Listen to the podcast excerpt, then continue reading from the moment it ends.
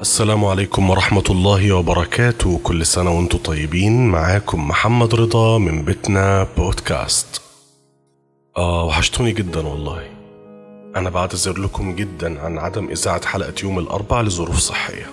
ولسه ما تعفتش منها والله. بس لقيت نفسي يعني قادر إن أنا أقعد أكتب وأسجل وكده فقلت أما أعمل كده من غير أي تردد. ويا رب يعني التعب ما يشدش عليا في الأيام الجاية. عندنا مواضيع كتير محتاجين نتكلم فيها. المرة اللي فاتت جبنا سيرة التعليم بس قلنا هنتطرق ليه أكتر في الحلقة الجاية اللي هي بتاعت النهاردة يعني. وهنتكلم بلمحة سريعة عن الضرايب وإيه الحوار بتاعها وإيه لازمتها وكده يعني. بس في الأول ما تنسوش تعملوا like و share لأي حد مهتم بموضوع حلقة النهاردة. وما تنسوش تقيموا البودكاست حسب المنصة اللي بتسمعونا منها دلوقتي بالإضافة لموقع البودكاست العربي. كل ده هيكون موجود في وصف الحلقة. يلا بينا. من أسرار تقدم أي دولة إن يكون فيها علم وتعليم حقيقي وده معناه رغبة من المعلم ومن الطالب وولي الأمر. يعني واضع المنهج والمدرس لازم يكونوا متعلمين كويس جدا عشان يقدروا يفيدوا الطلبة. مش إحنا تملي بنقول إن فاقد الشيء لا يعطيه؟ طيب المنبع هنا هيكون الكليات المؤهلة للتدريس. إن كان بقى تربية ولا آداب ولا غيرهم إن وجد. الطلبة هناك بتتعلم إيه وإزاي؟ هل تأهيلي إني أكون مدرس هيكون مبني على إنه أحفظ كلمتين وأخش أقولهم في الامتحان وبعد كده أنساهم؟ وهل بيكون عندي منهج تربوي تأهيلي فعال؟ ولا برضه التربوي ده هيكون كلمتين يتحفظوا ويتكتبوا في الامتحان من غير تدريب عملي تأهيلي كافي إن هو يخرج معلم فاهم في مادته العلمية وفاهم بيدرس إزاي وفاهم عقلية العمر اللي بيتعامل معاه ولا لأ؟ كل دي وغيرها أسئلة محتاجة إجابات جادة من غير تطبيل ولا صعبانيات ولا حاجة فارغة رغبة الطالب إنه رايح يتعلم عشان البيت والمدرسة حببوه في التعليم ولا عشان الشبشب والحزام اللي في البيت؟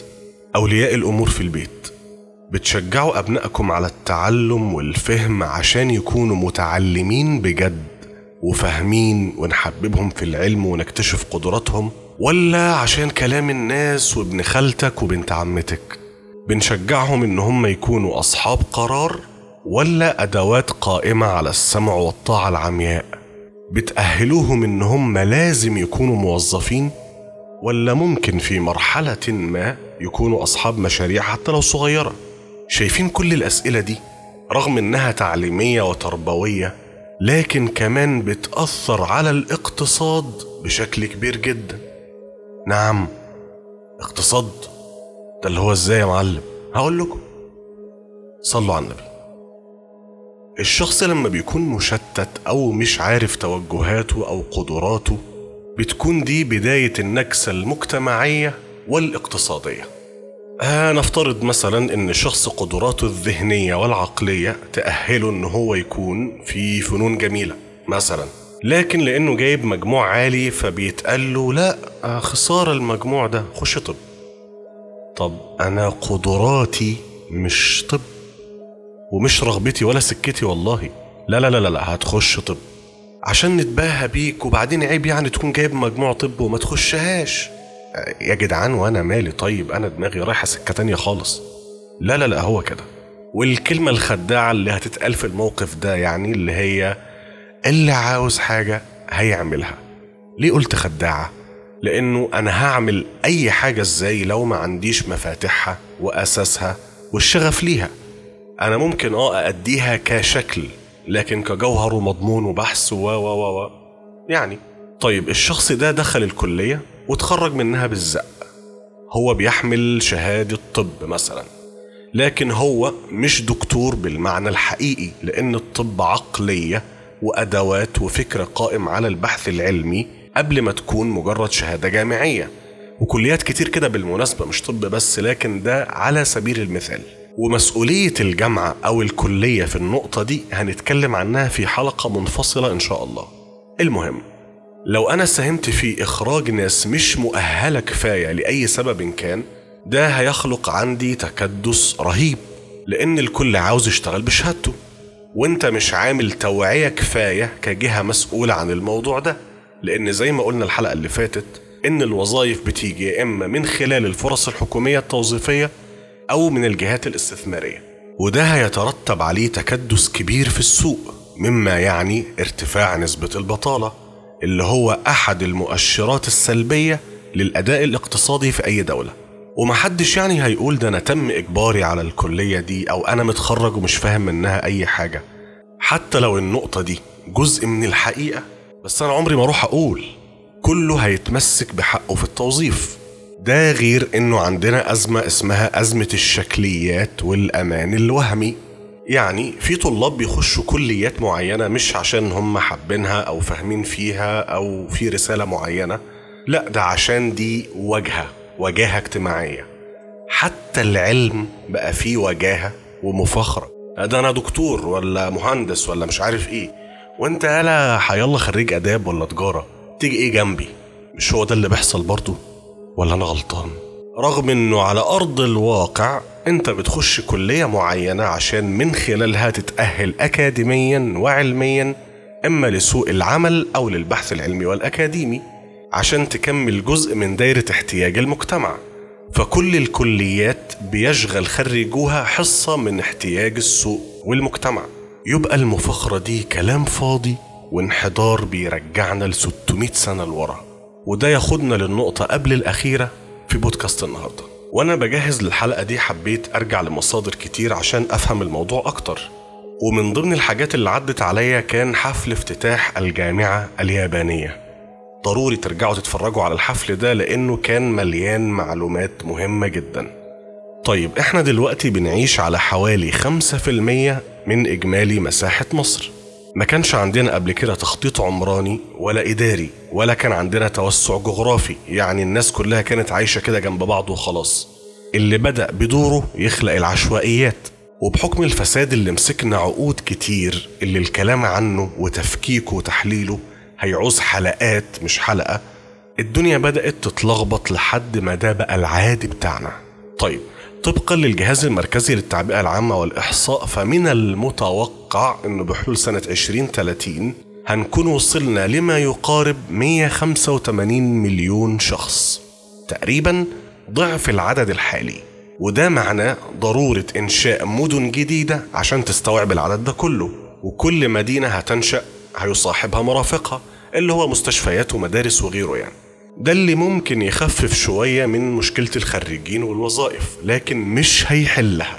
إيه اللي هيحلها؟ الاستثمار. سواء بقى في المشاريع متناهية الصغر أو الصغيرة أو المتوسطة أو الكبيرة أو العملاقة. وده عشان يحصل لازم يترتب عليه حاجتين. رقم واحد تعليم مظبوط مختلف تماما عن الحالي. واللي هو بالمناسبة مش هيتناسب خالص مع الناس اللي ماشية بنظرية احفظ كلمتين من المذكرة وخش هات درجات النجاح. بالإضافة للتوعية بالفكرة دي واللي زي ما قلنا هنعمل عنها حلقات قدام بإذن الله. طيب الدولة عشان تقدر تزود الدخل العام ليها لازم يكون عندها مصادر دخل عشان الموازنة العامة. ومن ضمن المصادر دي الضرايب الكلمة اللي بتعمل أزمة دايما في ال social media والشارع من غير المتخصصين. وفقا للدكتور رضا عبد السلام رئيس قسم الاقتصاد والتشريعات الاقتصادية بجامعة المنصورة ومحافظ الشرقية الأسبق إن الضرايب حاجة مهمة جدا ومفيدة لأي دولة.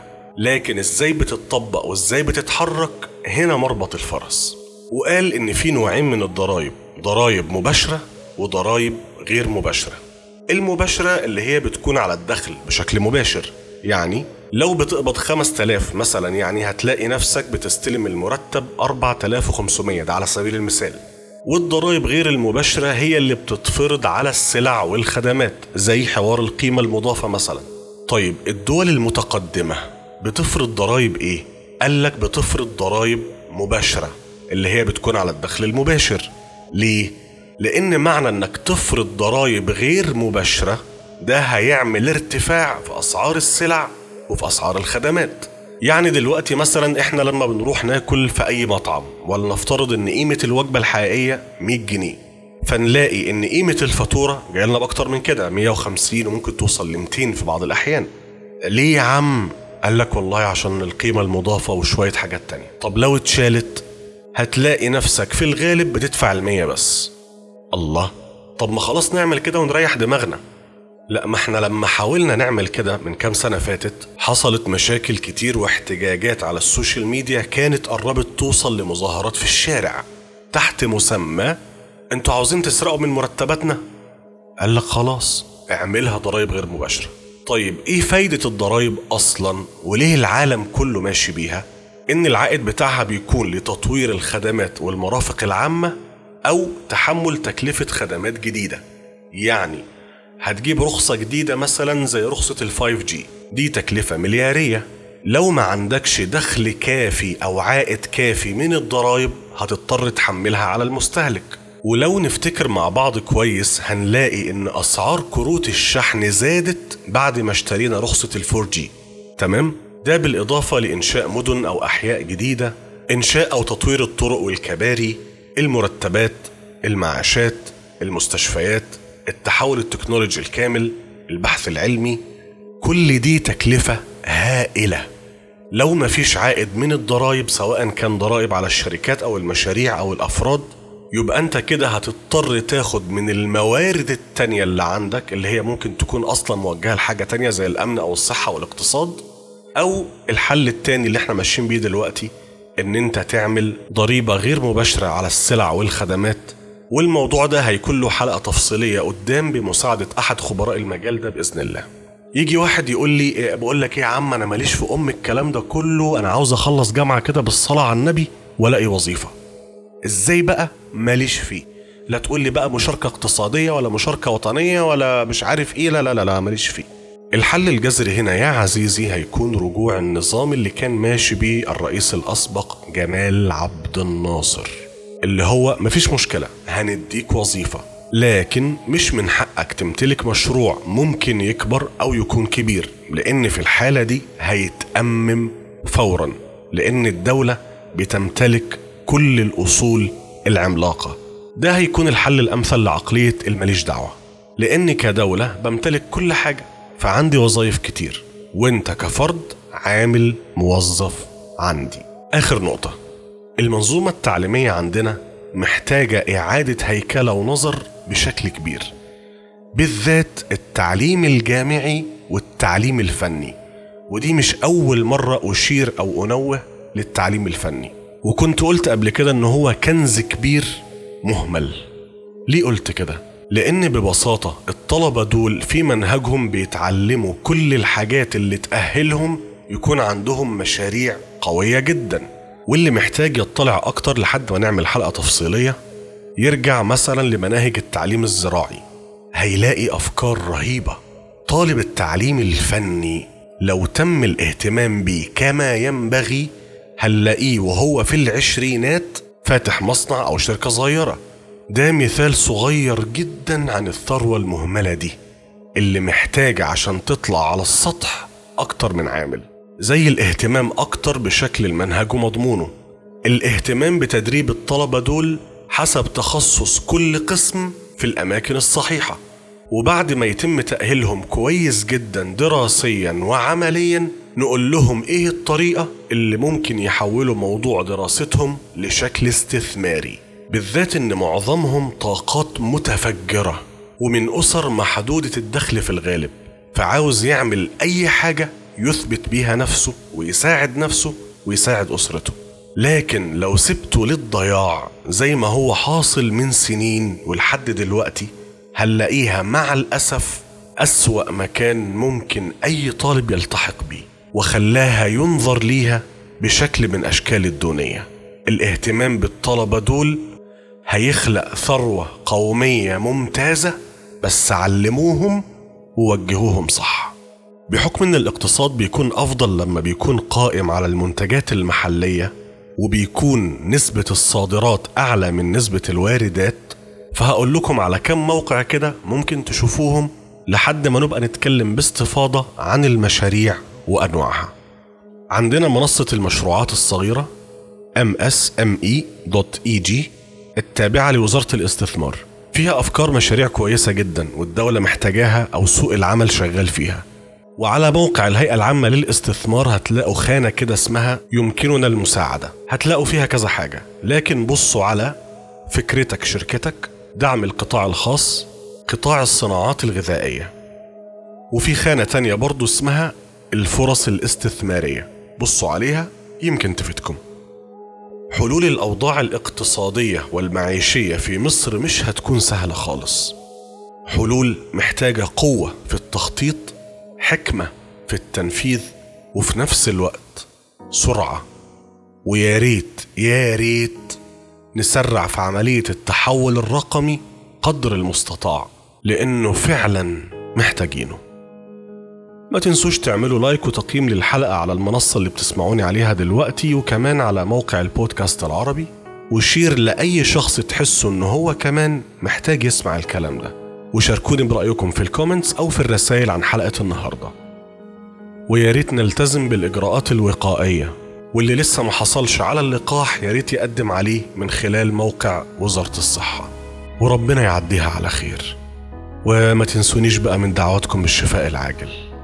واوعوا مهما حصل تتخلوا عن الامل وحسن الظن بالله. ونتلاقى على خير.